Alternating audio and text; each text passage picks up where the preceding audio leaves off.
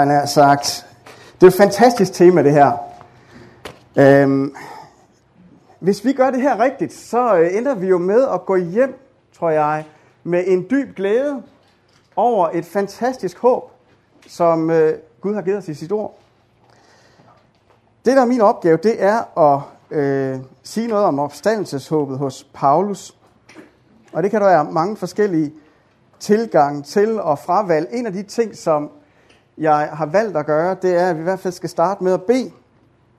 Både for det, jeg skal sige nu her, og så øh, for kurset som øh, helhed. Lad os øh, bede sammen. Kære Herre Jesus, jeg takker og priser og ophøjer dig, fordi at du, vores frelser og herre, har brudt dødens og djævelens og dødsrigets magt. Tak fordi, at du er opstået fra de døde, at du er ophøjet, sidder ved din fars højre hånd, og at du vil komme igen synligt for os og vække os op til et herligt og underligt nyt liv. Far, vi beder dig om, at det her kursus, det må være et, som du bruger til at give os visdoms- og åbenbaringsånd til at kende dig med vores hjertes øjne oplyst, så vi forstår, til hvilket håb du har kaldt os. Hvor rig på herlighed din arv er til os, der er helliget, og hvor overvældende stor din magt er hos os, der tror i kraft af din mægtige styrke. Amen.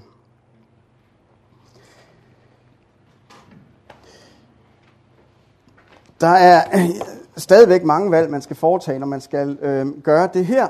Øh, en af dem, jeg har foretaget mig, det er at sige, at det jeg først og fremmest gerne vil, det er at give jer det, jeg tror vil øh, bibringe jer mest umiddelbart som øh, forkyndere og sjælesøvere.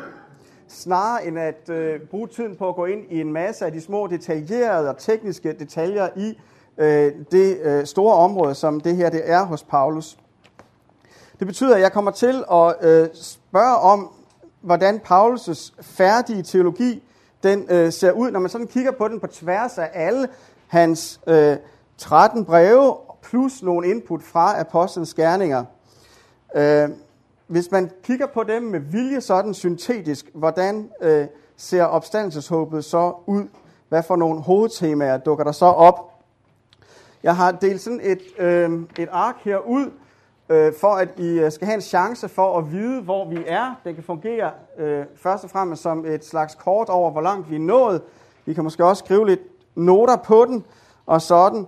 Øh, for de af jer, der har brug for, at selve håbet integreres i strukturen i det her, øh, så kan jeg øh, sige til jer, at omkring nede ved det, der hedder håbets grundlag, Guds løfter og Guds væsen, der kan I skrive koffein, hvis I øh, ligesom mig har været oppe siden klokken goddag mand økseskaft for at nå herover. Jeg håber, at det vil være det værd.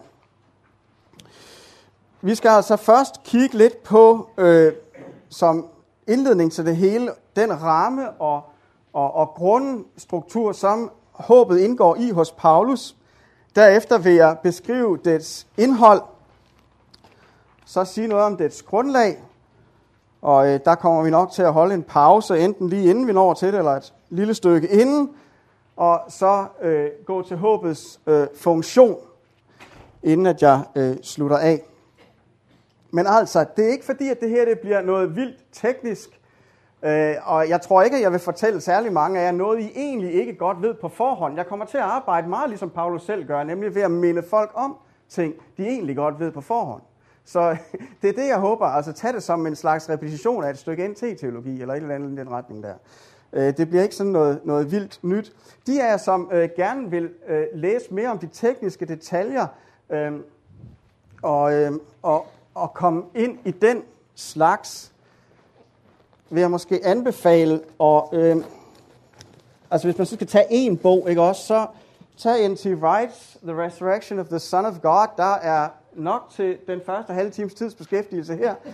Øh, det er en mobbedreng af en anden verden. Han kan rigtig snakke, men det er utroligt godt øh, og øh, meget, meget stærkt. Den har efterladt pastor med tårer i øjnene, og den er solid og god og grundig, og man kan få teknikaliteter, alt det man ønsker sig igennem den. De af jer, som ikke er til helt så tykke, hvis jeg skal nævne en der, så vil jeg måske nu nævne en relativt ny en, der er kommet ud af Adrian Warnock, der hedder Raised with Christ. Øhm, den dækker så øh, mere end Paulus, men så meget tyndere er den så på Paulus-delen, ikke også, hvis det skal gå stærkt. Så øh, den kan I øh, kigge på også. Øh, så fik jeg lagt den del af ansvaret fra mig, ikke også? Godt. Vi skal kigge på håbets ramme og øh, dets grundorientering. Allerførst, så øh, er det vigtigt at få fat i, at hos Paulus fungerer håbet inden for den øh, ramme, som handler om de her to æoner og tidsalder, som jødedommen også generelt tænkte i. Øh, altså øh, Haolam, Hatzea, Haolam, Habar og hvad ved jeg, og, og, og den her æon, som øh, kommer, eller den, der er nu. I øh, Galaterbrevet indlader han det jo faktisk med at sige, at Kristus gav sig selv hen for vores sønder, for at rive os ud af den nuværende onde verden. 1.4. I Efeserbrevet taler han om, at Gud har sat Kristus højt over alt, ikke blot i denne tidsalder, men også i den kommende. Og i øvrigt så er den inddeling basal for øh, det meste af, hvad han har at sige om, så at sige, alting. Det, der er vigtigt øh, at forstå inden for den ramme, det er den måde, som den nuværende tidsalder så ser ud på i sin grundkarakter. Og øh, der må man sige, at den nuværende tidsalder, den er ond. Det er en grundlæggende tankegang hos Paulus. Det betyder ikke, at han ikke har noget godt at sige om menneskelivet i den her nuværende verden, Øh, det er ikke sådan en karikatur af sortsyn og øh, triste hængehoveder, han er ude på. I den forbindelse kan man jo for eksempel kigge på Filipperbrevet kapitel 3, den sidste halvdel, hvor han taler om vores borgerskab i himlen, i modsæt, og, og, og, og hvor vi venter, at Jesus skal komme fra, i modsætning til dem, som bare tænker på den nuværende og verden. Et meget, meget himmelorienteret, hvis man skal sige det på den måde, eller opstandelsesorienteret brev, men samtidig et brev, der om noget vidner om en glad kristendom. Øh, så det er altså ikke på den måde, at øh, det skal forstås med den nuværende verden som ond, at der ikke er noget glæde overhovedet. Men jeg tror ikke, at øh, tanken om, at alt også bare er elendigt og skidt og møg og sort osv., det er det, der er det primære problem for os i Danmark i dag. Og for det andet så øh, er Paulus' karakteristik af den nuværende verden i de håbsrelationer, som det indgår i, den er temmelig negativ.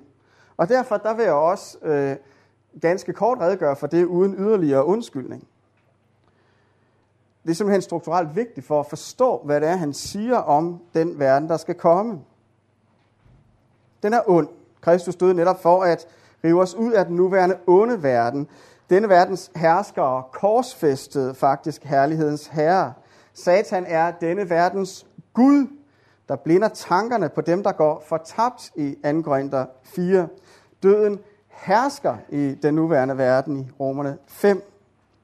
I en så central håbspassage som Romerne 8, der taler Paulus om lidelserne i den tid, der nu er inde, at skabningen er underlagt tomheden, taler om skabningens trældom under forgængelighed, taler om, at den sukker og vonder sig sammen, og at vi også sukker. Så den nuværende verden er altså kendetegnet ved lidelser og tomhed, suk og smerte og forgængelighed og død. Og derfor der er en af Paulus' centrale formaninger også, at vi ikke skal tilpasse os eller lade os samforme med denne tidsalder, denne verden. Han opfatter det som en dyb tragedie, at Demas har forladt ham af kærlighed til denne verden, eller til nuæonen, som han kalder den i 2. Timotheus 4. Og i det omfang, som vi har det godt i den her nuæon, der er det afgørende for Paulus, at vi ikke retter vores håb mod noget i den, men i stedet forbereder os på den kommende tidsalder, hvor det, han kalder det virkelige liv, findes. Han instruerer Timotius, dem der er rige i den nuværende verden, skal du byde, at de ikke må være overmodige og ikke skal sætte deres håb til usikker rigdom, men til Gud, som rigeligt skænker os alt, hvad vi behøver. Du skal byde dem at gøre godt og være rige på gode gerninger, at være gavmild og dele med andre og samle sig en skat som en god grundvold for den kommende tid, så de kan gribe det virkelige liv. Så den nuværende verdens grundkarakter er altså mørk og ond og fuld af lidelse. Og det er netop på den her baggrund, at Paulus tænker, at uden Kristus, som jo netop døde for at befri os fra den nuværende onde verden, der er der intet håb i denne tidsalder. Og det betyder, at håbet for Paulus, håbet om opstandelsen, det er det her meningsgivende, uden hvilket ikke at, øh, at at noget som helst fungerer. Det giver ikke nogen mening, det hele. Hvis ikke denne epoke i verdensforløbet blev aflyst af en anden og langt, langt bedre, så var det i sagens egentlige forstand håbløst det hele. Jeg startede med at sige, at vi har sådan her todeling mellem den nuværende og den øh, kommende verden. Og det betyder jo, at Paulus' verdensbillede står i en spænding, en modsætning til den typiske græske cykliske tankegang. Øh, han ser verdenshistorien som en, der har et mål, nemlig de dødes opstandelse og hvad der hænger sammen med det. Hele hans liv og arbejde står og falder med den opstandelse. 1. Korinther 15 er en af de centrale tekster, som øh, det er værd at øh, kigge på her. Han siger, hvis der ikke findes nogen opstandelse fra de døde, er Kristus heller ikke opstået. Men er Kristus ikke opstået, er vores prædiken tom, og jeres tro er også tom. Vi kommer så også til at stå som falske vidner om Gud, fordi vi har vidnet imod Gud, at han har oprejst Kristus, som han altså ikke har oprejst, hvis døde ikke opstår. For hvis døde ikke opstår, er Kristus heller ikke opstået. Men er Kristus ikke opstået, så er jeres tro forgæves. Så er I stadig i jeres synder, og så er også de, som er sovet hen i Kristus, gået fortabt. Har vi alene i dette liv sat vort håb til Kristus, er vi de ynkværdigste af alle mennesker. Altså, hvis ikke de døde står op, så er det hele nyttesløst. Så er vi en ynkelig og dårlig vidighed, der ikke engang er spor sjov. Så lever vi en løgn. Vi er stadig under dom. Vi prædiker tomhed, og vi har ingen grund overhovedet til at leve et anderledes liv end alle andre. Men nu har Paulus altså et håb, et herligt håb, om en kommende tidsalder, som giver mening til det hele. Det betyder, at håbet det, det er her og der og alle vegne i hans breve. Det er så dominerende i hans tankegang, at han simpelthen kan sammenfatte sin tro og sit budskab i udtrykket håbet om dødes opstandelse. I hvert fald sådan, som Lukas gengiver ham i øh, et par steder i Apostlenes Gerninger, da han står for rådet, og det er selvfølgelig også noget, han gør retorisk, det her. Han benytter sig af situationen, men ikke desto mindre, så mener han faktisk, hvad han siger. Han står der, der er sadokærer og fariserer, der er altid mulighed for at tænde en god lunde. Så er det, han råber, brødre, i Apostlenes Gerninger 23, 6. Brødre, jeg er fariserer og stammer fra fariserer. Nu skal jeg dømmes for håbet om de dødes opstandelse. Da han står over for Felix og skal øh, argumentere, så siger han, nu står jeg og skal dømmes for håbet om det løfte, som Gud gav vores fædre. Det løfte håber vores tolvstammefolk at få opfyldt, og derfor tjener vi Gud utrætteligt nat og dag. Det er det håb, jeg anklages for af jøderne. Kong, undskyld, det er Agrippa, han står for. Hvorfor finder I det utroværdigt, at Gud oprejser døde? Altså sammenfattet. Vi har de her to tidsalder. Den nuværende er ond, mørk og slem. Håbet om den kommende æon, den der skal komme efter, jeg skal nok komme ind på de sjove ting, der sker med de to ting senere. Håbet om det er det, der giver mening til alting for Paulus. Det, der giver mening til det hele. Så er vi øh, kommet igennem rammen og grundorienteringen. Vi skal nu kigge på håbets indhold. Det kan systematiseres på forskellige måder, det Paulus han siger, når han øh, får eksplicit og implicit redegjort for, hvad det er, han håber på. Og man kan sikkert også systematisere det på andre måder, end det, jeg har gjort her.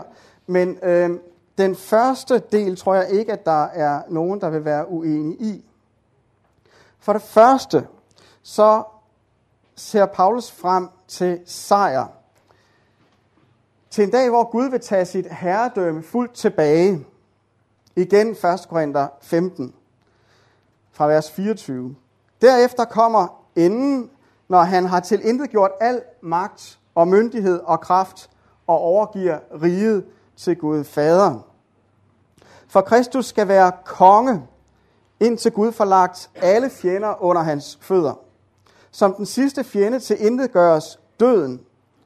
For alt har han lagt under hans fødder, og når det hedder, at alt er underlagt, er det klart, at undtaget er Gud, der har lagt alt under ham. Og når så alt er underlagt ham, skal også sønnen selv underlægge sig under ham. Ham, som har lagt alt under ham. Der er mange hammer her. For at Gud kan være alt i alle. Altså, Paulus venter på en tid, hvor at Gud vil sætte Kristus på en synlig trone, knuse sine fjender en efter en og lægge den som en skammel for sin søns fødder. En dag, hvor døden skal detroniseres, destrueres, og som den sidste fjende underlægges Kristus, indtil han, inden han overgiver riget til sin far. Det er en dag, hvor alt og alle skal knæle for Kristus, han håber på. Og sønnen og faderen skal modtage den ære og tak og tilbedelse, som retligt tilkommer dem. Han taler i Filipperbrevet kapitel 2 i Kristusyn, men der om, at Gud har givet Jesus navnet over alle navne, netop for at i Jesu navn hvert knæ skal bøje sig i himlen og på jorden og under jorden, og hver tunge bekende, at Jesus Kristus er Herre til Gud Faders ære. I 2. Thessalonikerbrev kapitel 1 får vi også at vide, at Jesus skal komme for at blive herliggjort blandt sine hellige og blive hyldet blandt alle, som kom til tro. I Efeserbrevet 1 har vi tanken om, at forløsningen kommer til lov og pris for hans herlighed i vers 14. Det er et meget, meget teocentrisk håb, Paulus har. Og jeg tror, det er enormt vigtigt at øh, få det understreget. Det er teocentrisk, det her. Det betyder så i en afledt forstand befrielse og sejr for dem, der hører Kristus til. En befrielse, og en sejr fra, en befrielse fra en sejr over dødskræfterne og døden selv, og det kommer jeg øh, tilbage til. Men sammenfattende kan man måske sige, at vi skal få del i Guds sejr. Paulus taler i Romerbrevet kapitel 16 om, at Gud snart vil lægge Satan knust under jeres fødder. Og der er en meget klar illusion tilbage til Genesis 3. Han ser det hele inden for den kæmpe ramme, at hans håb går ud på, at en dag, så skal det, der oprindeligt gik galt, den, der oprindeligt var årsag til det, knuses og ødelægges. Og ikke alene skal det være Gud, der besejrer ham, men Gud vil lægge Satan knust under vores fødder. Vi får del i Kristi sejr. Frihed fra Guds vrede, så skal vi så at sige danse på dødens og djævelens grav og synge sejrsangen om Guds opfyldte løfte fra øh, profeterne. Døden er opslugt og besejret. Død, hvor er din sejr? Død, hvor er din brød? Øh, I slutningen af 1. kor 15.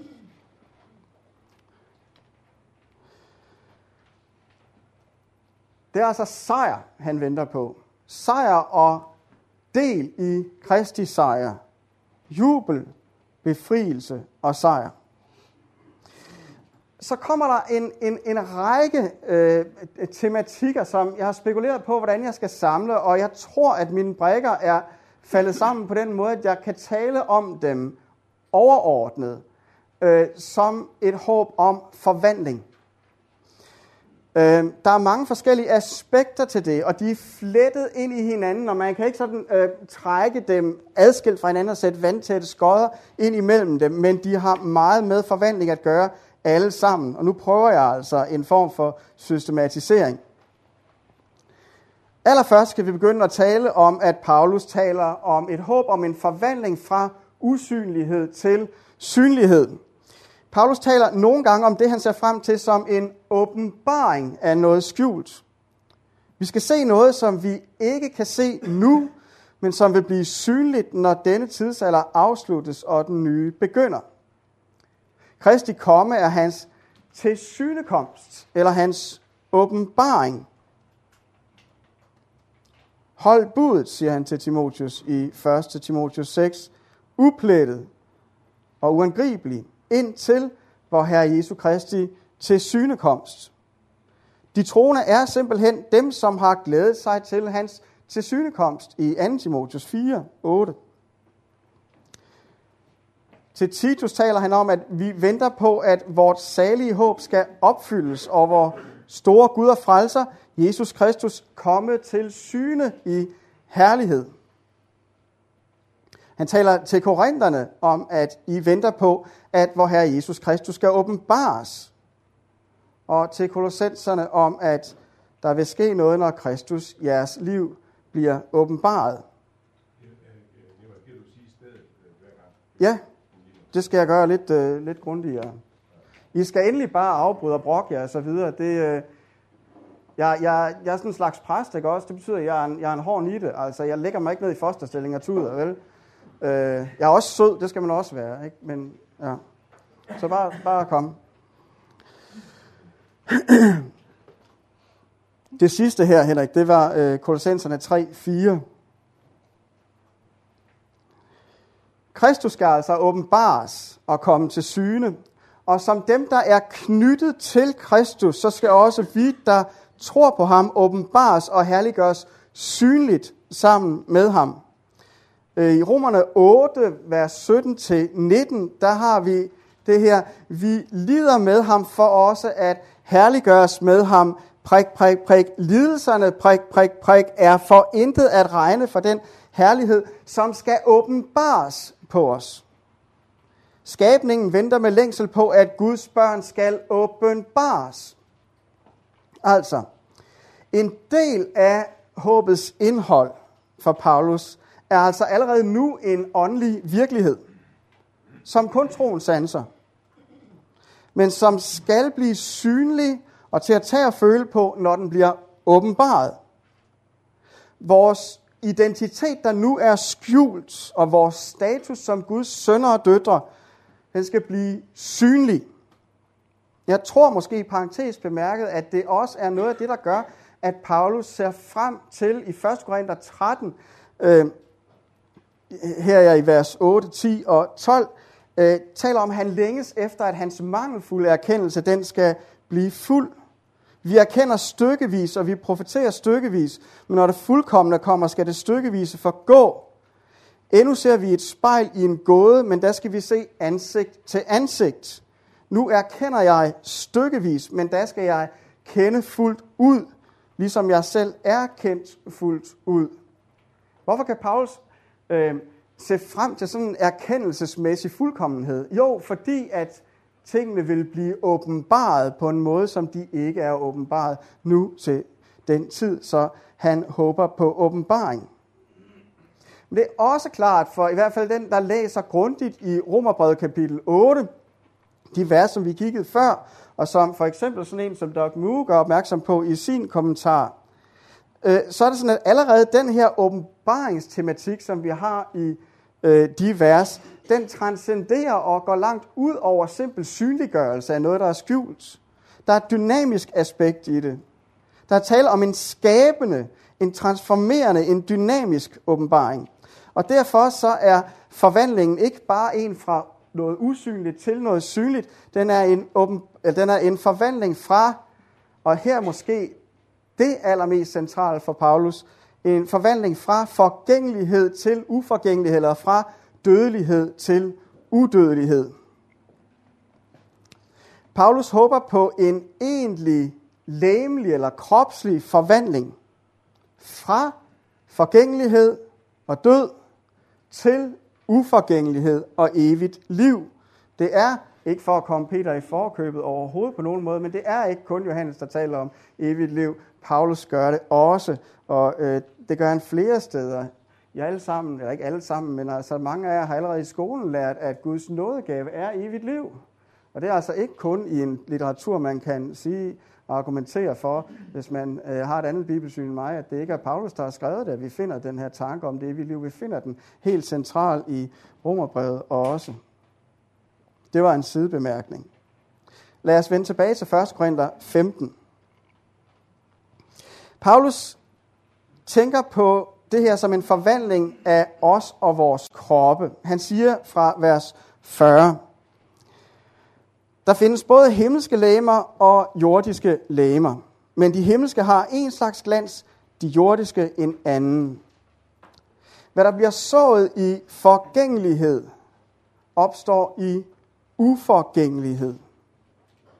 Hvad der bliver sået i vandære, opstår i herlighed. Den kommer vi tilbage til. Hvad der bliver sået i svaghed, opstår i kraft. Der bliver sået et sjæleligt læme. Der opstår et åndeligt læme. Det første menneske er af jord, jordisk. Det andet menneske er fra himlen. Som det him- jordiske menneske var, sådan er også øh, de jordiske. Og som det himmelske menneske er, sådan skal også de himmelske blive. Og ligesom vi har båret det jordiske menneskes billede, skal vi også bære det himmelske menneskes billede. Men det siger jeg, jeg brødre, kød og blod kan ikke arve Guds rige, og det forgængelige arver ikke det uforgængelige. Se, jeg siger jer en hemmelighed. Vi skal ikke alle sove hen, men vi skal alle forvandles i et nu på et øjeblik ved den sidste basun. For basunen skal lyde, og de døde skal opstå som uforgængelige, og vi skal forvandles. For dette forgængelige skal iklædes uforgængelighed, og dette dødelige skal iklædes udødelighed. Og når dette forgængelige har iklædt sig uforgængelighed, og dette dødelige iklædt sig udødelighed, da vil det ord, der er, skrevet, der er skrevet, være opfyldt, døden er opslugt og besejret. Vi skal altså ikke længere være underlagt forrådnelsen, forgængeligheden. Vi vil i stedet få at blive forvandlet til udødelige kroppe, der ikke kan forgå. Vores kroppe er jordiske nu. I den kommende tidsalder skal de blive himmelske. Vores sjælige læmer, som nu, i hvert fald når vi lukker dem ned i en grav, men også på mange måder inden da, forskelligt fra hver af os bliver det mere tydeligt på forskellige tidspunkter, men vores jordiske kroppe har allerede nu en glans af vandære, af fornedrelse og svaghed. Og de lægemer, de skal forvandles til åndelige lægemer, fulde af kraft og skinnende af herlighed.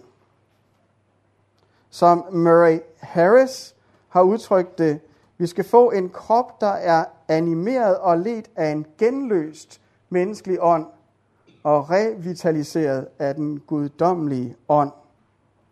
Dermed vil alle skavanker, sygdomme, mangler og alle de andre af syndens og dødens tidsalders ar være taget fra os. Og det er vigtigt, tror jeg, at forstå, at det her det er knyttet intimt til evangeliet om Kristus. Det står mellem linjerne i det, vi har læst her, og i Paulus' øh, øh, teologi det hele taget. Kristus, der jo havde uforgængelighed, der var den himmelske, det himmelske menneske. Han påtog sig vores dødelighed, vores død, for at vi engang skal få hans udødelighed og uforgængelighed. Så Paulus ser frem til en forvandling fra død til liv, fra forgængelighed til uforgængelighed af også vores kroppe. Han ser også frem til den samme forvandling af jord og himmel og hele skabningen. I Romerne 8 fra vers 19 er det, han siger, at skabningen venter med længsel på, at Guds børn skal åbenbares. Skabningen blev jo underlagt tomheden, ikke fordi den selv ville, men på grund af ham, der gjorde det, og med det håb, at også skabningen selv vil blive befriet fra trældommen under forgængeligheden og nå til den frihed, som Guds børn får i herligheden. Vi ved, at hele skabningen endnu sukker og vonder sig sammen. Og ikke alene det, også vi, der har ånden som førstegrøde, sukker selv i forventning om barnekår, vort læmes forløsning. Så hele skabningen skal blive uforgængelig. Samlet set tror jeg, at det bedste udtryk, man kan bruge, det er det, som Paulus selv bruger i 2. Korintherbrev kapitel 5, vers 4. Hans håb går ud på, at det dødelige skal opsluges af livet.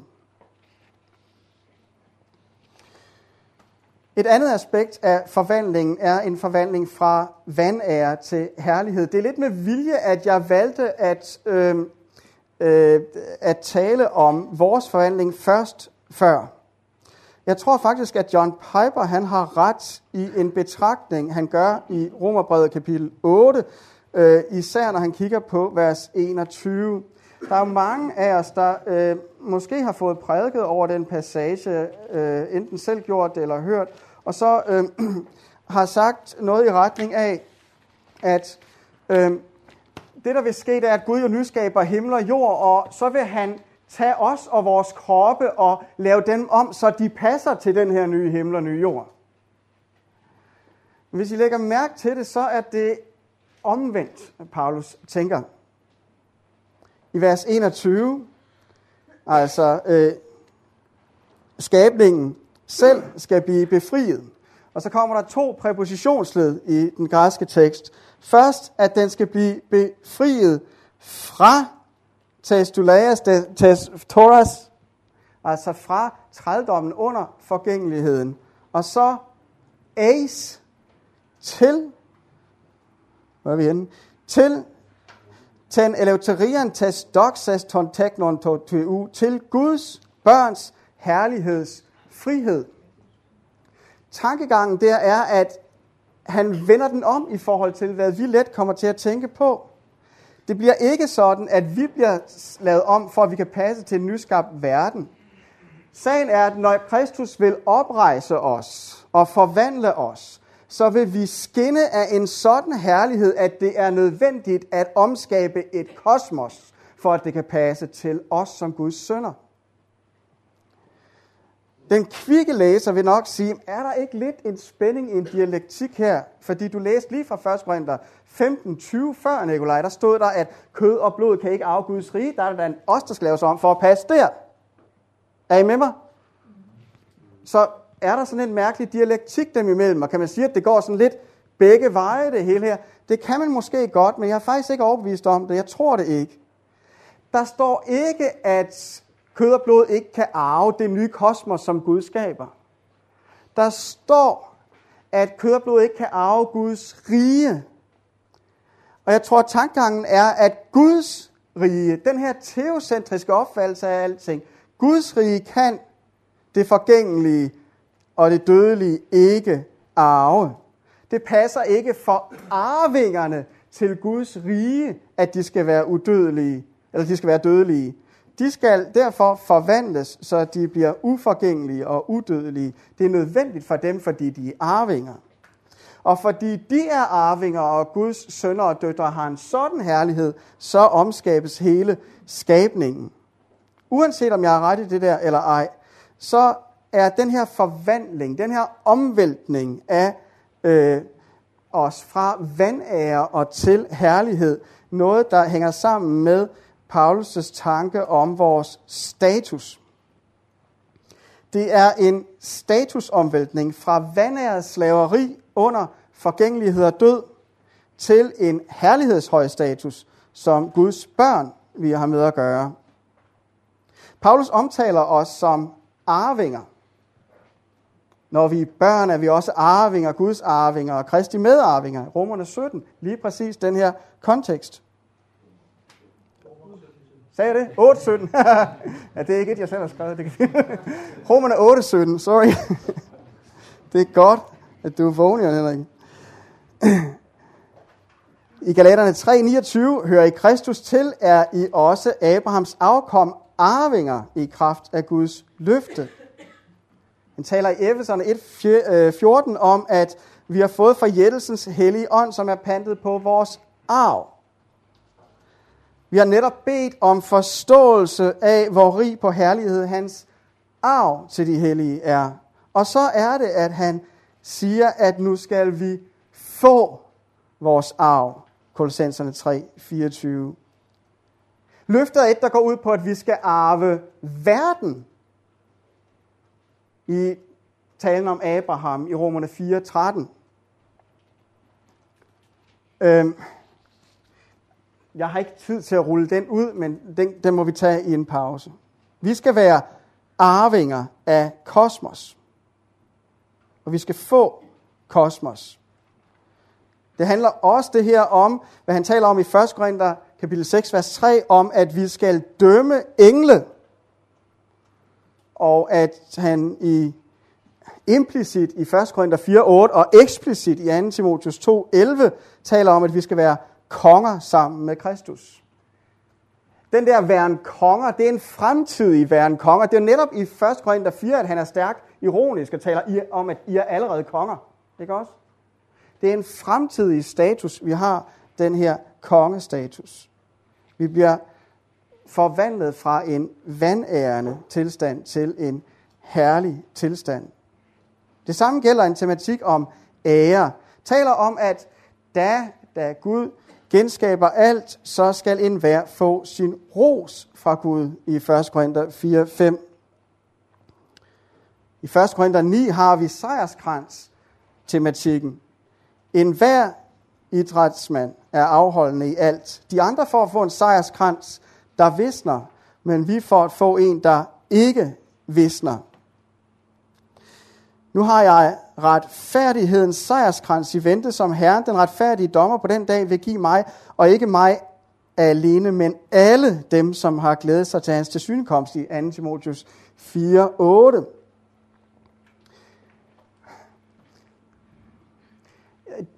jeg bliver nødt til at, at droppe øh, øh, øh, en, en del baggrundsforklaring med sejrskranser, romerske soldater osv. Men de her sejrskranser var altså nogen, der meget, meget let fik temperamenterne op at koge. Det var vigtigt, at de blev givet til de rigtige folk. Der er meget, meget stort ære øh, indhold i det her. Og jeg tror, det er vigtigt, at vi, når vi skal formidle Paulus' håb, får talt om status, ære, løftede hoveder, knejsende nakke, ikke i en negativ forstand, men rankerygge, fordi det er en del af evangeliet, håbets evangelium selv. Og igen er det også knyttet til evangeliet. Kristus, herlighedens herre, ydmygede og fornedrede sig, tog vores skam på sig, for at vi engang skal stå med hans ophøjede sønnestatus, hans arvingstatus og hans kongestatus. Hvor lang tid må jeg køre lige nu, Asger? Må jeg tage den fem minutter endnu, eller? Okay, så tager vi sådan en lille pause. Ups, godt. Det er også knyttet til en tanke om, at vi skal blive rige. Jeg nævnte før hans sarkastiske bemærkninger i 1. Korinther 4, om at øh, I er allerede konger. Han taler også om, at I er allerede rige. Men selvom det er ironi, så er implikationen jo, at det skal vi blive engang. Og derfor der har han den her indtægt for udgiftmetaforik, som øh, kommer til udtryk, når han taler om, at vi til sin tid skal høste, blot vi ikke giver op i Galaterne 6.9. At vi skal få løn. Hvis det han, altså en leder i menigheden, har bygget, bliver stående, så skal han få løn i 1. Korinther 3.14. I Efeserne 6.8 siger han, at I ved jo, at enhver skal få gengæld af Herren, hvad han gør godt. Og her der er det eksplicit hos Paulus, at Kristusbegivenheden er motoren. Kristus for jeres skyld blev fattig, skønt han var rig, for at I ved hans fattigdom kunne blive rige. Og det er altså en fremtidig rigdom, han først og fremmest taler om der i 1. Korinthers kontekst.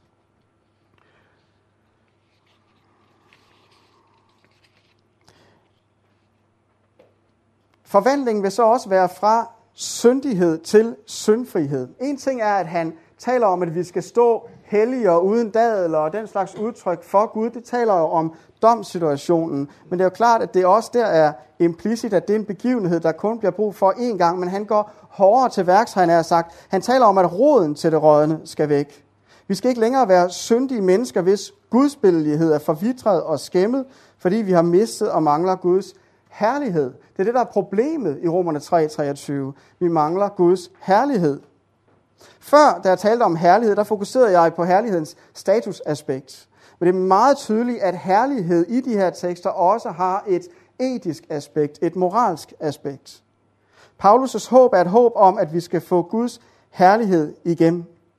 Romerne 5.2 Ved Kristus har vi i troen fået adgang til den nåde, som vi står i, og vi er stolte af håbet om Guds herlighed. 1. Thessaloniker 2.12 Gud kalder jer til sit rige og sin herlighed. I 1. Timotheus 1.11 så har Paulus fået betroet et evangelium om herligheden hos den salige Gud. Og igen er det knyttet intimt til evangeliet i Paulus' måde at tænke på. Kristus, den moralsk herlige og syndfri, påtog sig vores synd, for at vi ikke alene skulle tilregnes hans retfærdighed, men også virkelig få herligheden tilbage. Og så som det aller sidste, inden vi holder en pause, vil der ske en forvandling fra fravær til nærvær. Kristus selv. Sagde jeg et eller andet sjovt? Til sidst, inden vi får pause. så vågner I alle sammen op. Det er det, jeg mener, min Svend. Godt. Ja, der, der kommer nogle sjove fingre her engang imellem. altså, en forvandling fra fravær til nærvær. Paulus taler om, at vi skal være sammen med Jesus. Erfare hans ubegrænsede nærvær. I 1. Thessalonika 4:17 taler han om den samlede bortrykkelse ved Jesu genkomst og slutter, og så skal vi altid være sammen med Herren. Kapitlet senere 5, 9-10 Gud har ikke bestemt os til at ramme sig hans vrede, men til at opnå frelsen ved vor Herre Jesus Kristus, som døde for os, for at vi, hvad enten vi er vågne eller sover, skal leve sammen med ham. Det er først og fremmest det her indhold, som Paulus han ville rulle ud, hvis han blev stillet et spørgsmål om, hvorfor han egentlig var kristen. Jeg tror, at vi i vores forkyndelse og i vores vidnesbyrd nogle gange skal overveje, hvordan vi egentlig overlapper og får skudt i forhold til det. Og så holder vi en pause. Du styrer hvor længe.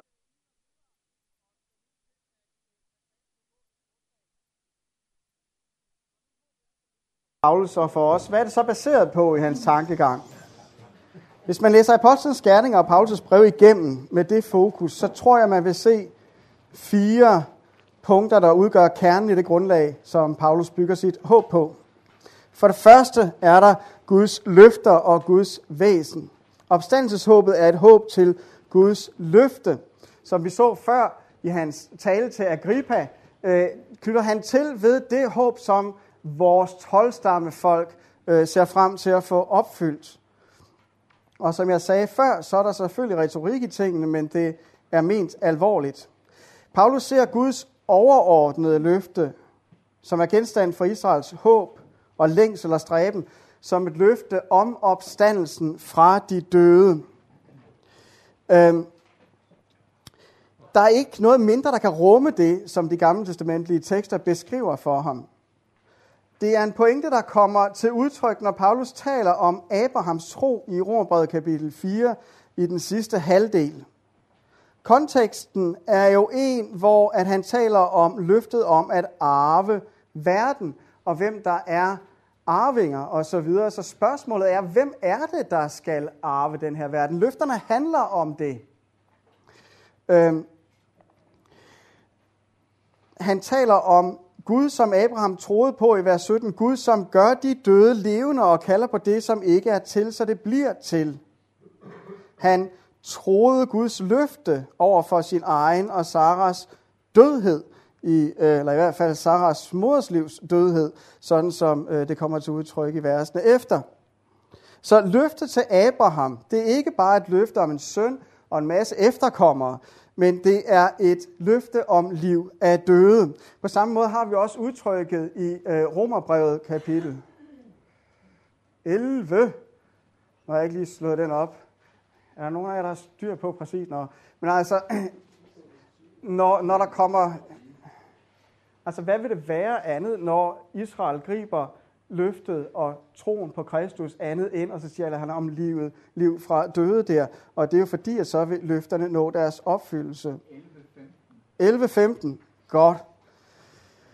Da Gud lagde hele skabningen under forrådnelsens vilkår, så gav han samtidig grund til et håb om fuldstændig genoprettelse.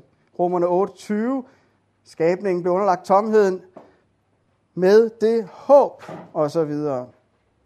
Han taler i Romerne 16 om, at Satan snart skal være knust under vores fødder. Og der er den her lige linje fra Genesis 3 via Romerbrevet kapitel 8, kapitel 16, og så til 1. Korinther 15's afslutning med sejrstansen på dødens grav.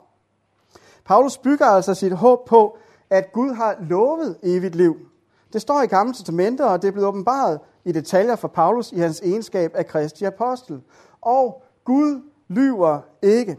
Sådan er hans væsen. I Titus 1.2 er det, han taler om håb om evigt liv, som Gud, der ikke lyver, har lovet for evige tider siden. Gud er i sit væsen lige frem en, han kalder den, som gør de døde levende i Romerne 4.17. Gud, som har begyndt sin gode gerning i jer, i Filipperne 1.6, vil fuldføre den. Han taler i 2. Korinther 1.9 om, at vi, ham og hans rejsefælder, havde fældet dødsdommen over os selv, for at vi ikke længere skulle stole på os selv, men på Gud, som oprejser de døde. Det er en del af selve Guds væsen, som han knytter opstandelseshåbet til. Han, hvis kraft er stærkere end døden, og som vil oprejse os med sin kraft, som han taler om i 1. Korinther 6.14. Han både vil og kan holde, hvad han lover. Sådan som Abraham bliver talt om i Romerne 4.21 igen. Abraham var fuldt overbevist om, at det, som Gud har lovet, har han også magt til at gøre. Derfor så kunne Abraham tro med håb imod håb, som det udtrykkes. Vers 18. Med håb imod håb troede han, at han skulle blive far til en mængde folkeslag, som det var sagt ham, så mange skal dine efterkommere blive, og uden at blive svag i troen, så han, at hans krop allerede var uden livskraft, han var næsten 100 år gammel, og at Saras moderliv var dødt.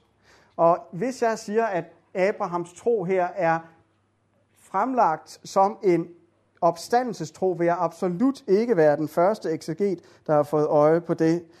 Gud, troen på Gud og hans løfte, på trods af det, som Abraham kunne se med sine egne øjne, på trods af, at det fik tingene til at se umuligt ud, troede han på Gud, som kan skabe liv selv af døde. Og her der er Abraham jo paradigmatisk. Han er både et ærke eksempel på, hvad det vil sige at tro, og han markerer også et særligt tidspunkt i frelseshistorien, hvor Guds løfte går ind i en afgørende ny fase, og troen på det etablerer den her familie med Abraham som stamfar. Men det betyder, at når Abrahams tro er paradigmatisk, så er det et fundamentalt aspekt ved troen på Kristus, at den håber på en fremtidig frelse, og at den orienterer sig efter noget, der ikke kan ses endnu. Romerne 8, 24. Til det håb er vi frelst. Men et håb, som man ser opfyldt, er ikke noget håb. For hvem håber på det, man kan se? I 2. Korinther 5, 7. Vi lever i tro, ikke det, som kan ses. Der er altså noget, vi ikke kan se nu, men som er så meget desto mere værd at vente på. I 2. Korinther 4, 17-18 taler han om, at vores lette trængsler her i tiden bringer os i overmål en evig vægt af herlighed. For vi ser ikke på det synlige, men på det usynlige. Det synlige var jo kun en tid, det usynlige evigt. Nogle gange så tror troen på trods af det, der kan ses, sådan som Abraham gjorde det. Det gør troen i tillid til, hvem Gud er, og hvad han har lovet. Fordi Guds væsen og hans løfter er mere tillid værd, end det vi kan se med vores blotte øje, både for Abraham og for os. Og vi, der så lever nu efter Kristus, har endnu større grund til håb og tro, end Abraham havde. Fordi i Paulus' tankegang, der er de dødes opstandelse allerede begyndt, og det er det andet, der ligger til grund for hans håb. Som jeg allerede, som jeg tidligere har sagt, der har han de her to tidsalder til fælles med en jødisk tankegang. Samtidig så er det jo netop på det her punkt, at Nytestamentet som helhed og Paulus i særdeleshed forkynder en nyhed, som billedligt talt sætter sådan en, en chokbølge ind igennem hele tidsskemaet og giver tiden en revolutionerende ny dynamik. Med Kristi fødsel og liv og død og opstandelse og Helligåndens udgydelse er der kommet øh, er den kommende tidsalder allerede brudt ind i den nuværende. Min egen student er ved at brække sig over at se den her konstant, men øh, den er så fundamental for Paulus' tankegang, at jeg tror, at det er meget svært at forstå særlig meget af, hvad han overhovedet laver, hvis ikke vi forstår, at Kristusbegivenheden med Kristi død og opstandelse er for ham en indbrud i den nuværende tidsalder af den kommende. Det betyder også, at Guds ord, som op igennem frelseshistorien indoptager en større og større betydningsfylde i den ene profeti efter den anden, og vil blive opfyldt på Herrens dag, som der tales om i Gamle Testamente. Den opfyldelse er brudt ind i vores verden, og det er derfor, at Paulus han kan tale om Kristus som alle Guds løfters ja i 2. Korinther 1:20. I Kristus er Gud med andre ord begyndt at opfylde sine løfter om at indstifte en ny pagt, tilgive sit folks synd, besejre deres fjender, føre det ud af fangenskab hjem til et land, som er restaureret, og hvor Messias sidder på tronen, og alting genoprettes i sådan en grad, at det antager kosmiske dimensioner. De løfter om den kommende tidsalder, de udgør i Gamle Testamente en samlet pakke, kan man sige. En helhed, som skal opfyldes på Herrens dag. HD, det har ikke noget at gøre med fjernsyn.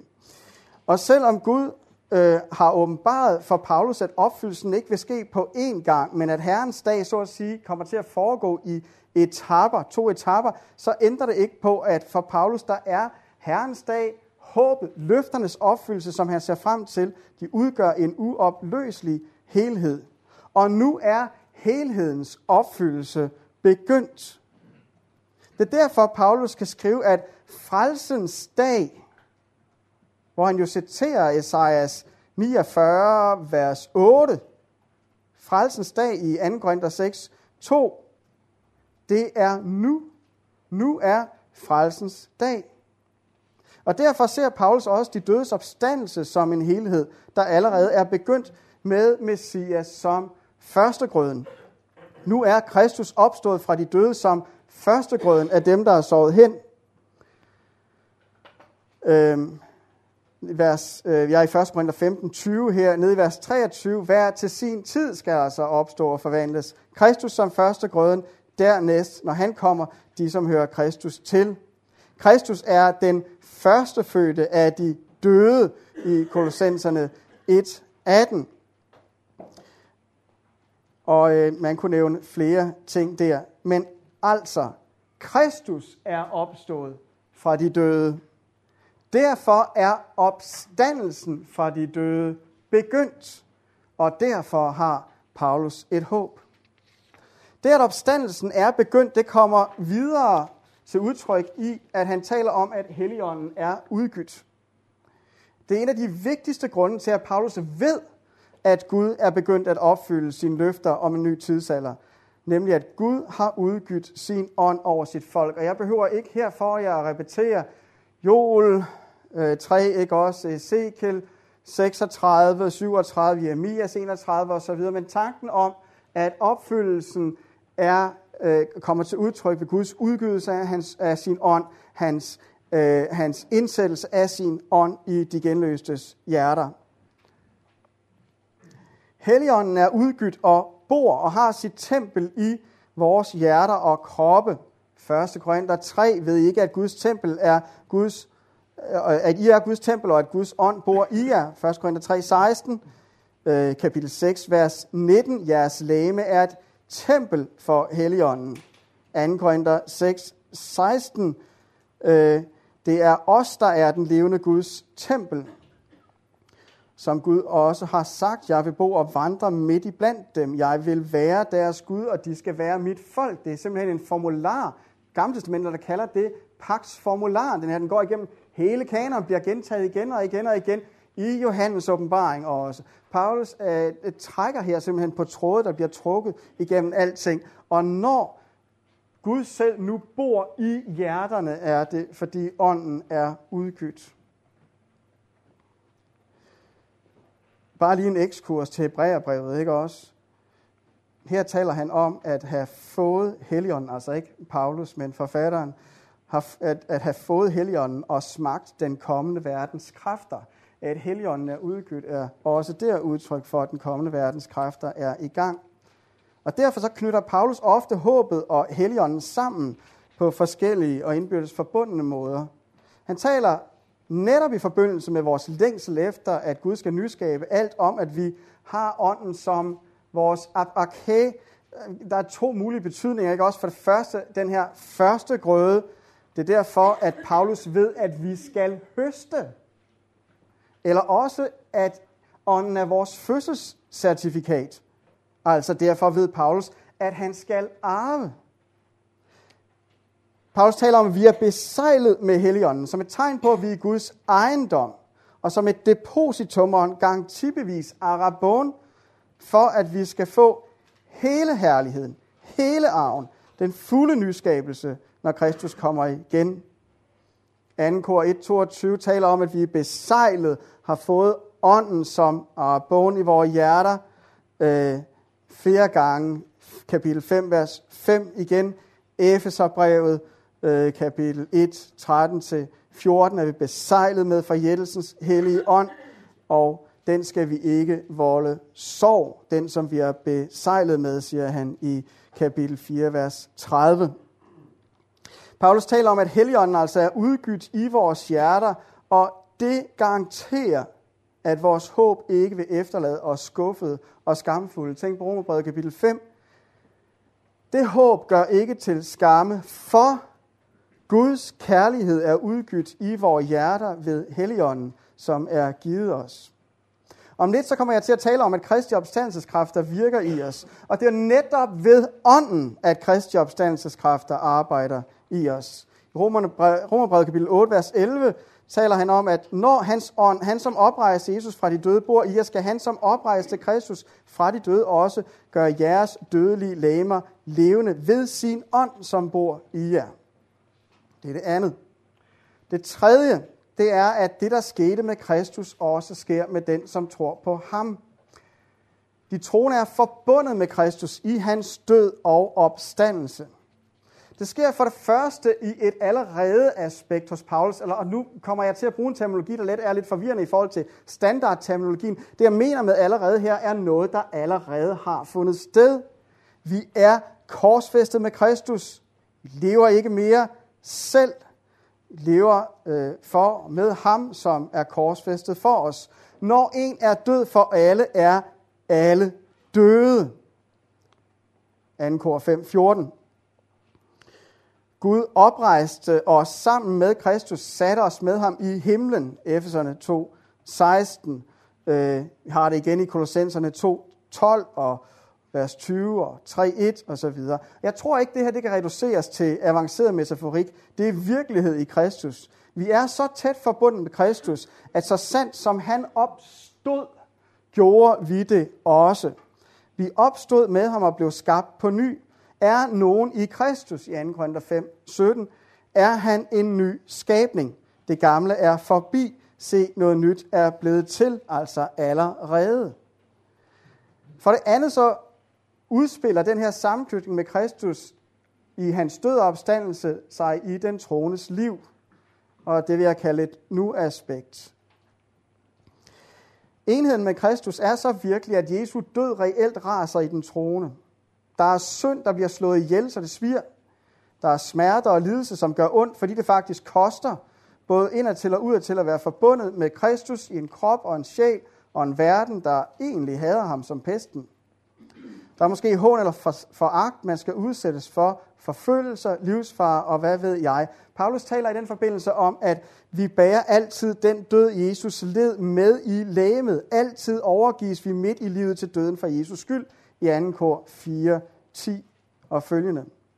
Han bærer Jesus sårmærker på sin krop i Galaterne 6, 17. Og han stræber efter i Filipperne 3.10 at kende lidelsesfællesskabet med Kristus og få skikkelse af hans død. Og heldigvis så er det jo ikke kun Jesu død, der virkelig er til stede nu i vores liv, men også hans opstandelsesliv. Vi bærer konstant Jesu død i vores krop og overgives altid for hans skyld til døden, netop for at også Jesu liv kan komme til syne i vores lame og i vores dødelige krop. Jeg er tilbage i 2. kor 4.10 her. Paulus har heller ikke smidt alt det, der tidligere gjorde ham til en elite fariser, øh, smidt det ud for blot at dø med Jesus, men også for at, som jeg citerede før, kende ham og hans, nej det gjorde jeg ikke, Filipperne 3, 10-11, kende ham og hans opstandelseskraft, om jeg dog kunne nå frem til opstandelsen fra de døde. Ligesom Jesu død virkelig raser, så ulmer også Jesu opstandelseskræfter i os. Vi bad før om, at vi må erkende, hvor stor hans magt er i os. Og Paulus fortsætter med at sige, at den magt er den, som han virkede med, da han oprejste Kristus fra de døde i Efeserne 1, 19-20. Disse kræfter er lige så virkelige som dødskræfterne, selvom vi nok ofte mærker mere til de sidste end de første. Men derfor bliver vi ikke modløse, som han siger i 2. Korinther 4:16. For selvom vores ydre menneske går til grunde, fornyes dog vort indre menneske dag for dag. Altså, faktisk så kan også trængslerne og lidelserne fungere som en begrundelse for Paulus' håb i den måde, han tænker på. Og så er sammenknytningen med Kristus jo også et, der har et fremtidsaspekt. De to første aspekter allerede og nu, de er fantastiske, men der er noget ufuldstændigt over dem. Og de er basis og forsmag for et tredje aspekt, som man kan kalde snart-aspektet. Og det vil være fuldstændigt. Her er opstandelsen ikke begrænset til et åndeligt plan eller en ulmen, der på trods af at være virkelig kan være nok så svært at få øje på. Paulus udtrykker, at vi er intet mindre end Kristi lemmer, og vores kroppe er bestemt for ham. Og lige så sikkert som Gud oprejste Kristus, så vil han oprejse os, som tilhører ham.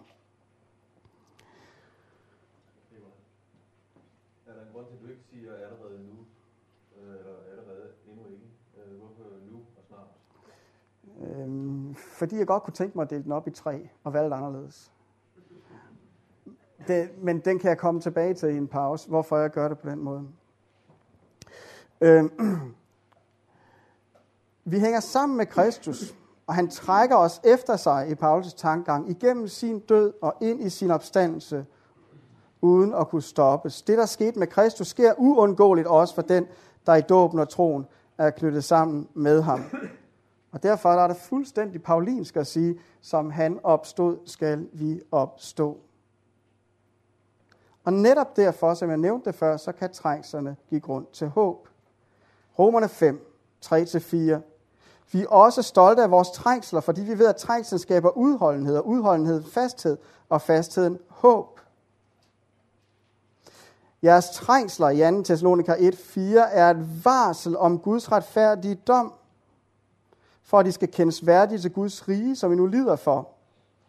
2. Korinther 1, 7. Ligesom jeg del i lidelserne, har I det også i trøsten. Altså, Gud har lovet os opstandelse og evigt liv, og han lyver ikke. Det er den første begrundelse. Den anden begrundelse er, at opstandelsen allerede er begyndt. Den tredje er, at Helligånden er udgydt som udtryk for det. Og som det sidste, at hvad der sker med Kristus, sker med dem, der tror på ham, og derfor har Paulus et håb. Nu øh, skal vi så kigge på øh, håbets funktion. Jeg har talt om, at det er det, der giver mening til alting. Jeg har talt om, at det er knyttet intimt til selve troen, så det springer vi let og elegant hen over. Men jeg tror, det er vigtigt at forstå, at for Paulus giver håbet en primær identitet og en grundorientering for de troende. Vi tilhører ikke natten, men den kommende lyse dag. Vi er lysets børn, taler han om i 1. Thessalonika 5, 4. Og i Filipperbrevet, kapitel 3, vers 20 og 21, bliver det klart, at vi ikke først og fremmest mennesker med et eller andet etnisk eller nationalt tilhørsforhold. Vi er statsborgere i Guds kongedømme. Han skal snart komme og fremtræde synligt. Vort borgerskab er i himlen, 3.20-21. Derfra venter vi også Herren Jesus som frelser. Og derfor bliver vores grundorientering, at vi længes og at vi venter. Og der er adskillige referencer til den slags, men vi skal også nå at kunne snakke, så jeg springer dem over. For det andet fungerer H, eller jeg ved ikke, jeg er nu nede i punkt 3 faktisk under håbets funktion. Håbet fungerer som formanings- og opmuntringsbegrundelse. Det, at håbet er det meningsgivende sine kvæg non, som jeg har udtrykt det, det betyder jo implicit, at det altid er begrundelse, også for Paulus' formaninger. Og det kommer negativt til udtryk der, eksplicit i 1. Korinther 15, hvor han siger, jamen altså, hvis Kristus ikke er opstået, hvorfor skulle vi så leve anderledes end alle andre? Men der er masser af eksempler på, hvordan at håbet bliver brugt til formaningsgrundlag og begrundelse. Vi tilhører ikke den nuværende nat, men dagen, og den kommer snart. Og netop derfor skal vi leve, som det passer sig for dagen og dem, der tilhører den. Romerne 13, 11-14. Øh, samme tematik kommer frem i 1. Thessaloniker 2, 1-8. Et andet eksempel. Fordi det allerede nu er et faktum, og snart skal åbenbares, at vi er døde og opstået med Kristus og har vores liv i himlen, så skal vi lade det jordiske i os dø, har vi i Kolossenserne 3, 1-5 her. Ja, der læser den græske tekst, læg mærke til, hvordan gar og un øh, partikler øh, arbejder der. Næste eksempel. Dengang fra 2. Korinther 5, 10. Han siger, vi skal alle fremstilles for Kristi domstol, for at den hver kan få igen for det, han har gjort i lægemet. Hvad enten det er godt eller ondt. Der står i jer, der sidder med oversættelsen, der tror jeg, der står her i livet. Men der står altså øh, soma der. Øh, det er kroppen, det er lægemet. Så Paulus' vidshed om, at han skal få en ny krop, den ansporer ham til at stræbe efter altid at være Kristus til, til, til behag. Også fordi hans håb indebærer, at han skal stå til regnskab for Kristus for, hvad han har brugt den gamle krop til. Fordi Kristus kommer snart, skal vi som dem, der venter på ham, have andre værdier og grundprioriteringer, end dem, som baseres på det nuværende. Øh, I 1. Korinther 7, øh, vers 29-31, har vi de her lidt måske underlige vers om, at nu skal dem, der øh, øh, er gifte, være som om de ikke var gift, og så videre. Carson, Don Carson har udtrykt øh, det, der bliver sagt her, som at der skal være et som om ikke over vores liv, fordi vi har det her håb. Forud, der er der hæder og ære og sejrskranse og den slags. Og det bruger Paulus til at øh, anspore til målrettighed og disciplin. De bedste eksempler er måske 1. Korinther 9, 24-27. Det er her, vi har nævefighteren, ikke også? Øh, han er hård ved sin krop og så videre.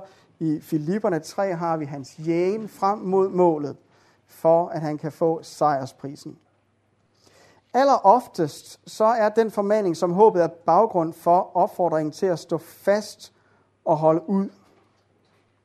Derfor, mine kære brødre, stå urokkeligt fast og giv jer selv hen i arbejdet for Herren. I ved jo, at jeres slid ikke er spildt. Den måde slutter han faktisk opstandelseskapitlet af på. 1. Korinther 15, 58. Og der er masser af eksempler på det her.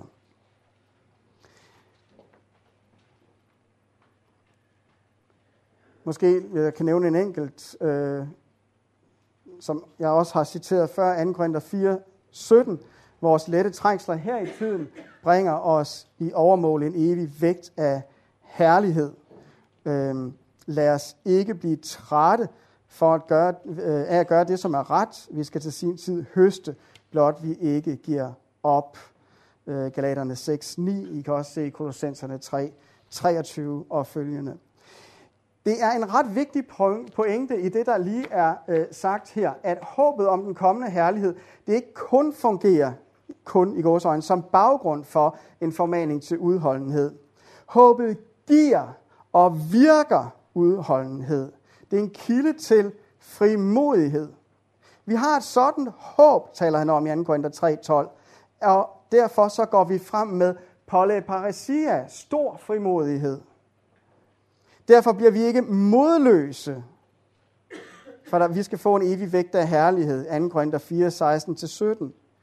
I Filipperne 1, 18 og frem. Vi er ved godt mod. Nej, det er 2. Korinther 5, 6. Undskyld. 2. Korinther 5, 6. Vi er ved godt mod. Håbet er en kilde til trøst, ikke kun til formaning. Første Thessalonikerbrev har vi flere gange opfordringen til, nu har han redegjort for håbet, så trøst hinanden med disse ord. Men ikke alene er det egentlig en formaning til så at bruge håbet til trøst.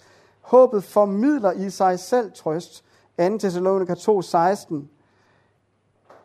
Kristus og Gud var far, som har elsket os, og i sin nåde givet os evig trøst og godt håb. Han trøste jeres hjerter og styrke jer til alt god gerning, øh, til alt godt i gerning og i ord. Det er også en kilde til stolthed. Romerne 5, 2. Ved ham har vi i troen fået adgang til den nåde, som vi står i, og vi er stolte af håbet om Guds kærlighed. Og som det sidste vil jeg nævne, at håbet fungerer som en kilde til, altså ikke bare noget på baggrund af, hvilket han formaner til indbyrdes kærlighed, men det faktisk er noget, som indbyrdes kærlighed springer ud af. Prøv at tænke på den måde, han åbner Kolossenserbrevet på. Vi har hørt om jeres tro på Kristus Jesus, og om jeres kærlighed til alle de hellige. Udsprunget af det håb, som venter jer i himlene. Det har I hørt om i sandhedens ord, evangeliet. Der er en underliggende klar overbevisning om evangeliets og håbets effektivitet hos Paulus her.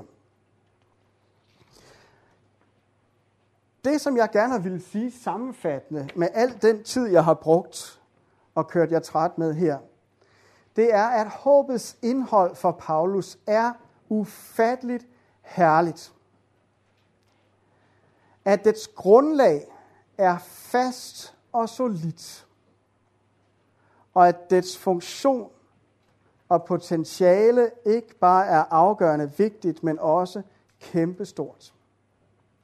Og det er på baggrund af det, at jeg begyndte med at indlede med en bøn fra Efeserne 1.19. Og jeg tror, at der er idé i at gøre det til en central bøn i vores bønsliv, både som individer og som personer, øh, som menigheder. Ja, jeg har været tidligt op. Bed om, at vi må forstå, til hvilket håb Gud kaldte os. Hvor rig på herlighed hans arv til de hellige er, og hvor overvældende stor hans magt er hos os, der tror i kraft af hans mægtige styrke. Der er gods, og der er glæde og saft og kraft i det her håb. En kolossal ressource, også i det lange løb. Og derfor så er Paulus' bøn værd at efterligne og gøre til en central bøn for os og vores menigheder også. Tak for lydhørigheden, og så skulle der være noget tid til at snakke. Også. Stor tak til dig, Nikolaj. Øh, og nu skal der være plads til øh, at få det her vendt med nogle spørgsmål og drøftelse af det her. Så øh, hurtigt på, udnytte godt. Jeg skal efter lige. Ja, Henrik. Ja, bare tak for øh, en rigtig stærk omlægning. Tak Okay, tak for en øh, stærk påmindelse, øh, også til, altså som du også lagde ud med, øh, det var til forkyndelse og til brug i det daglige. Det, det synes jeg faktisk, øh, man kan tage til sig, eller jeg kan tage det til mig. som en stærk påmindelse om en dimension ved forkyndelsen og ved hele troslivet. Altså. Og så sidder jeg jo så alligevel øh, øh, undervejs øh, og tænker lidt på, at, øh, at det næsten kan ærge mig, men jeg ved nu ikke helt. Det er måske meget godt, at han ikke gjorde det alligevel, Paulus, men altså den der, at du, du, du lader ud med at understrege meget stærkt, det, at denne, den nuværende tidsalder, den er ond. Der, der kan næsten også være noget trøsterigt og i at høre det i øvrigt. Men det, jeg vil frem til at sige, det er, at det er jo, at jeg tænker, hvis jeg tænker på min egen forkyndelsespraksis, og min egen, hele min tros bevidsthed og sådan, ikke, så må jeg jo tilstå, at øh, der er jo meget mere... Øh, øh, det er, hvad skal jeg sige det her? Øh, hvor, øh, jeg ved faktisk ikke, hvordan jeg skal formulere spørgsmålet, men det er, jeg vil ønske, at Paulus kunne det, som Marilyn Robinson kan i Gilead. Nemlig at få denne tidsalders skønhed, så at sige, øh, koblet sammen med håbet. Ikke? Men jeg tror faktisk, at du altså, er ret i, sådan, som jeg også lige, når jeg sådan lige prøver at scanne det, jeg kan huske her, Paulus, ikke? At, at det er primært, det er ondt. Ikke? Der er ikke meget betoning af det andet. Jeg vil ønske, at Paulus kunne det noget mere. På den anden side, så er det måske meget godt, fordi at vi vil meget nemt lande i den her tidsalder. Det er også en pointe for dig, ikke også? Ud fra Paulus. Vi må passe på, at vi ikke gror fast i den tid, når vi bliver så glade her for øl og vin og gode venner, at vi så øh, stikker håbet øh, til, til side eller sådan noget. Ikke? Mm. Men forstår, altså det er næsten ikke, det, men det er bare sådan, øh, hvordan kan, jeg, jeg tænker, at et udsnit af den her forsamling i virkeligheden er meget, meget glad for livet. Og, øh, og, og at vi, øh, at vi kan tage en afstemning af. Altså, hvordan, altså, hvordan bringes vi, det du har stået og lukket ud over hovedet på os, ikke, det, er jo, det er jo faktisk vidunderligt, ikke? men på en eller anden måde kan jeg godt tænke, at jeg personligt i, i, i reelt set ikke er så tæt på det. Derfor er det også vigtigt at høre det, men, men øh, nå, det var et meget, meget, meget tåget spørgsmål, hvis det næsten ikke var. Eller var det til det her, du også ville komme med kommentarer med? Nej, ja, sammen. Altså, vi kan da lige få det med. Vi tager det sammen. Okay. Ja, det er lige som et systematisk spørgsmål. Der er rigtig meget øh, anden og rigtig meget tredje trosartikel i det, du har sagt. Men, og vi kender jo fra resten af Bibelen, sådan på vores øh, indre net hen, fra Johannes åbenbaringer, fra profeterne og sådan noget, hvordan håbet hænger sammen med første trosartikel mm. også. Øh, hvordan er det med Paulus og det? Hvad er forholdet mellem den oprindelige skabelse og så øh, før syndfaldet, altså det, det nye, vi håber på? Fordi der er noget af nøglen i hvert fald øh, mm. til, i hvert fald en vinkel i det, Henrik spørger om. Ja. Det er jeg gerne spørger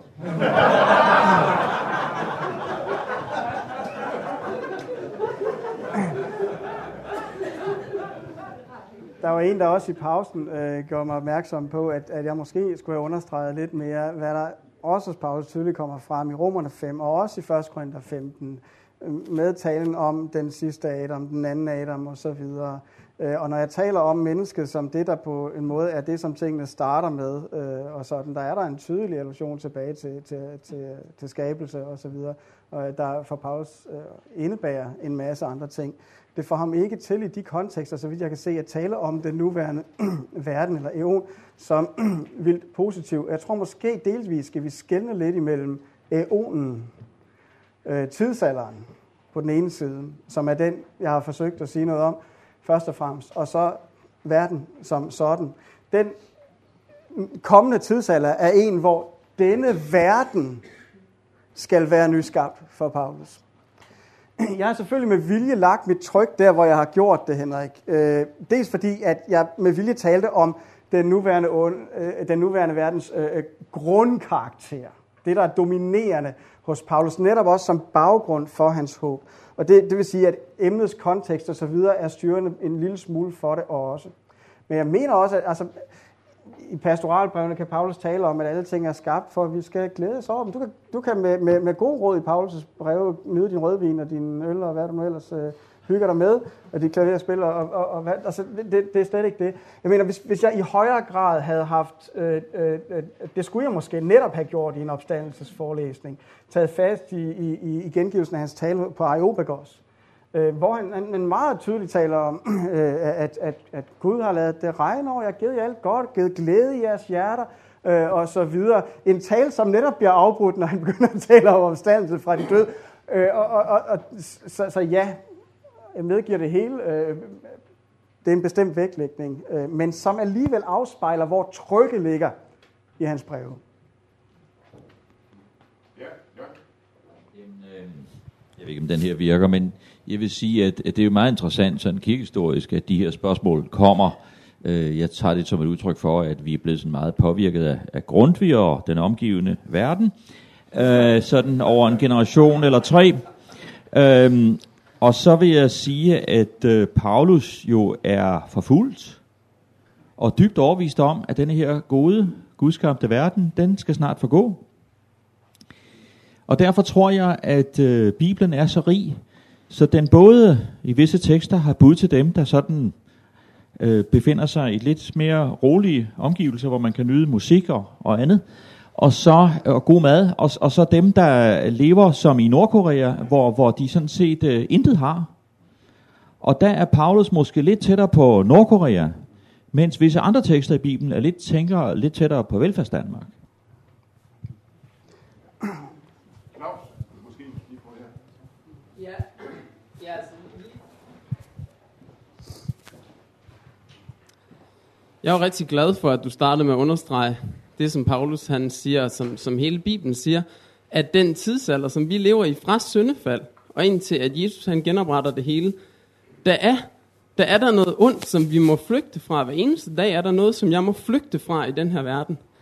Øhm, hvis I som er præster, I øh, fristes til at prædike til jeres menighed, at, øh, at den her verden den er bedre, end den er, så synes jeg, der var en god øh, reprimande i noget af det, som du sagde i dag, fordi det, det er en forkert fristelse. Det tror jeg virkelig. Jeg tror, at vi, vi, øh, vi til stadighed skal ture sige det, som Bibelen siger, at, at vi er reddet ud af den her verden. Men samtidig så, så taler du jo også godt om, at opstandelsen den også er en virkelighed allerede nu.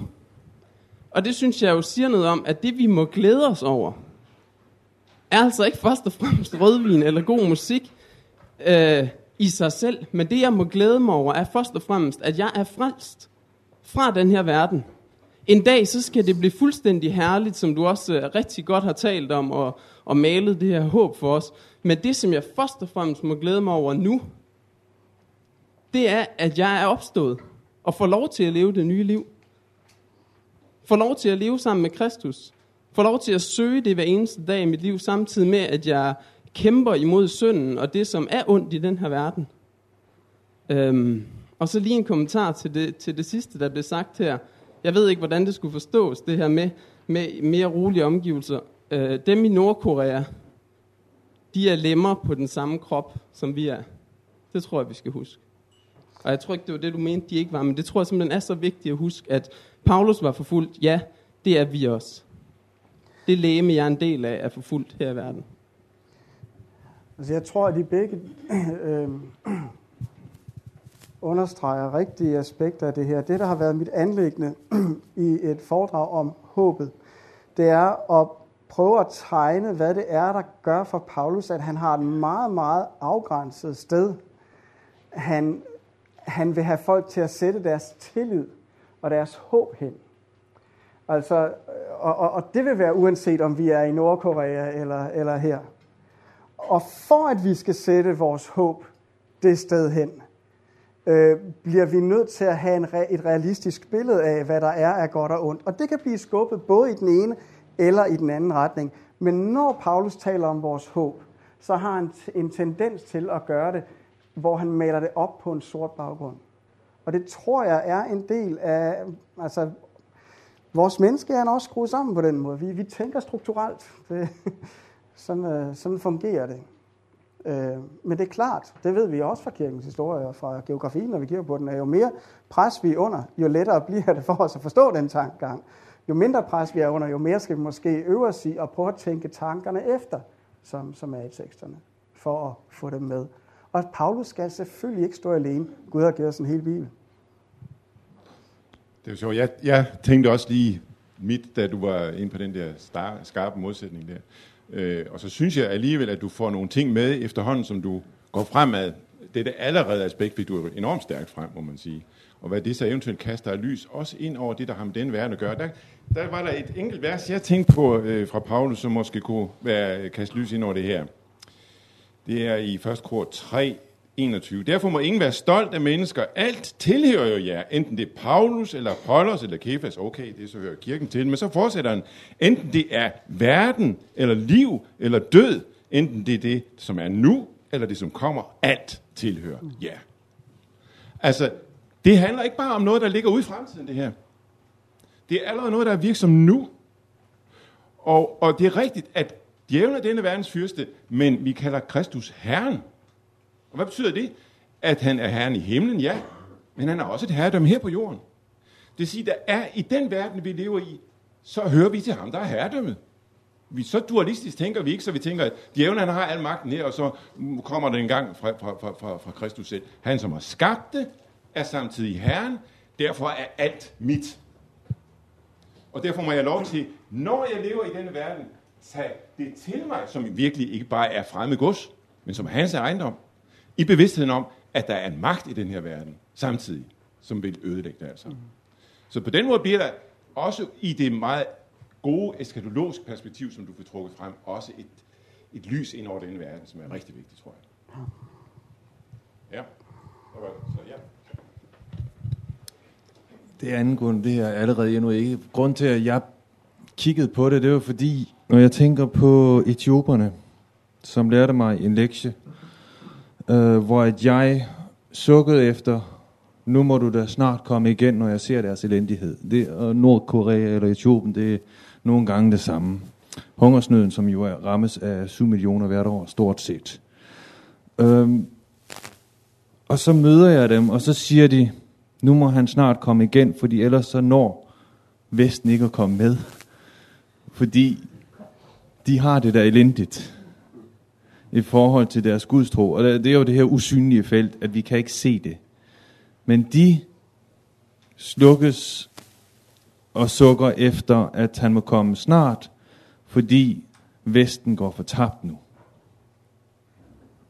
Det er en helt anden vinkel i forhold til sådan, som jeg så stakkels stem, og pludselig så lærer de mig, hvem er det, der er en stakkel? Og derfor så er det så fantastisk at have den her formaning til håbet, at ja, der må altså ske noget meget snart. Ja.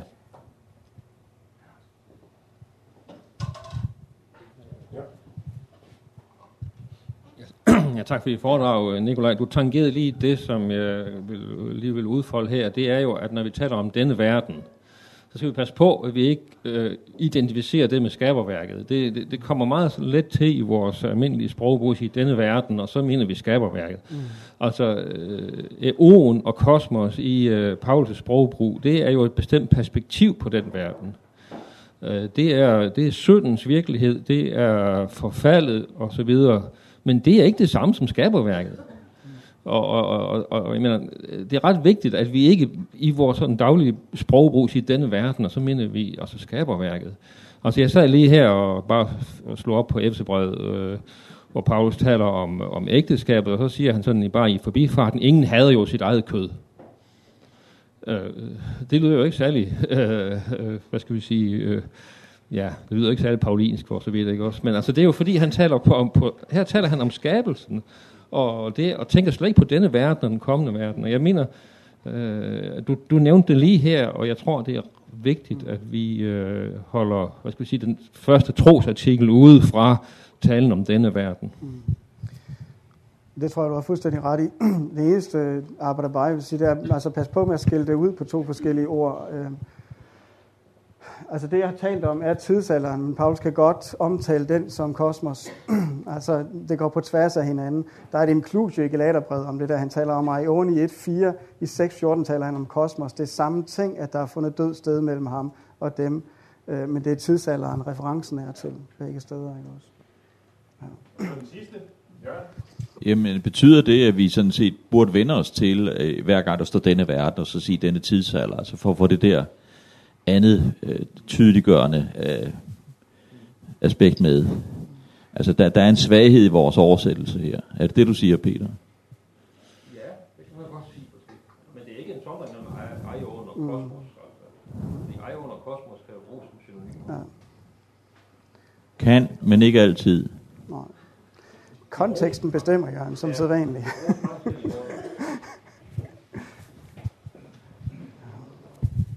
Så siger jeg tak for den her første opstart på vores kurse. Det var rigtig godt at få trukket tungen op.